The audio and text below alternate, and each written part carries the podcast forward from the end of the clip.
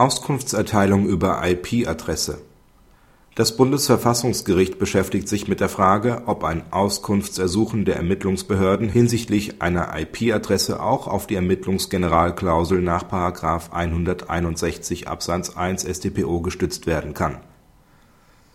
Die Staatsanwaltschaft verlangt von einem Unternehmen, das IT-Dienstleistungen für Banken erbrachte, im Zusammenhang mit einem Ermittlungsverfahren wegen Computerbetrugs an Online-Banking-Nutzern Auskunft über die IP-Adresse des Auftraggebers einer Überweisung.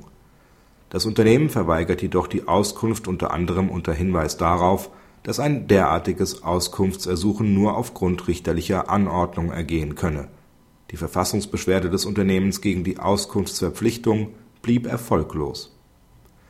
Nach Ansicht des Bundesverfassungsgerichts haben die Beschwerdeführer nicht hinreichend deutlich dargelegt dass sie durch das Auskunftsersuchen in ihren Grundrechten aus Artikel 10 und Artikel 2 Absatz 1 Grundgesetz verletzt worden waren.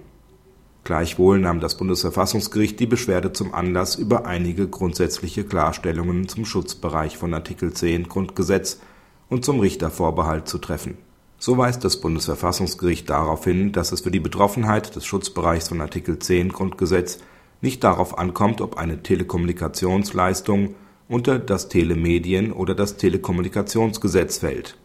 Entscheidend ist vielmehr die Schutzbedürftigkeit des jeweiligen Grundrechtsträgers, die sich daraus ergibt, dass er zur Durchführung der Kommunikation auf Dritte, zum Beispiel Internetprovider, angewiesen ist. Um eine Verletzung des Artikel 10 Grundgesetz geltend zu machen, hätte dargelegt werden müssen, dass die in Rede stehende IP-Adresse während eines laufenden Telekommunikationsvorgangs erhoben wurde und damit außerhalb des Herrschaftsbereichs der Kommunikationsteilnehmer anfiel.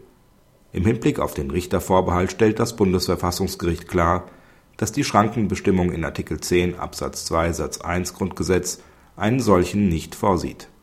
Eine richterliche Anordnung sei daher nur dann zwingend erforderlich, wenn sich der Eingriff im Einzelfall als derart schwerwiegend darstellt, dass den Anforderungen an die Verhältnismäßigkeit und die Gewährung effektiven Rechtsschutzes nur durch eine vorherige richterliche Kontrolle Rechnung getragen werden kann. Dabei ist nach Ansicht des Bundesverfassungsgerichts eine Abfrage von Verbindungsdaten aus einer anlasslos vorgenommenen Vorratsdatenspeicherung als schwerwiegender anzusehen als die Abfrage von Daten, die von einem Telekommunikationsanbieter kurzfristig etwa zu Abrechnungszwecken erhoben wurden Liegt kein schwerwiegender Eingriff vor, so kann eine Auskunftsverpflichtung auch auf § 161 Absatz 1 StPO gestützt werden.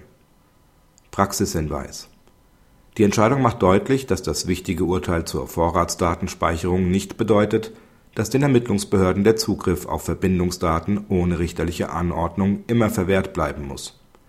Um erfolgreich Rechtsschutz gegen derartige Datenabfragen zu erlangen ist es notwendig, sowohl die Betroffenheit eines Telekommunikationsvorgangs als auch die Schwere des Eingriffs substanziiert darzulegen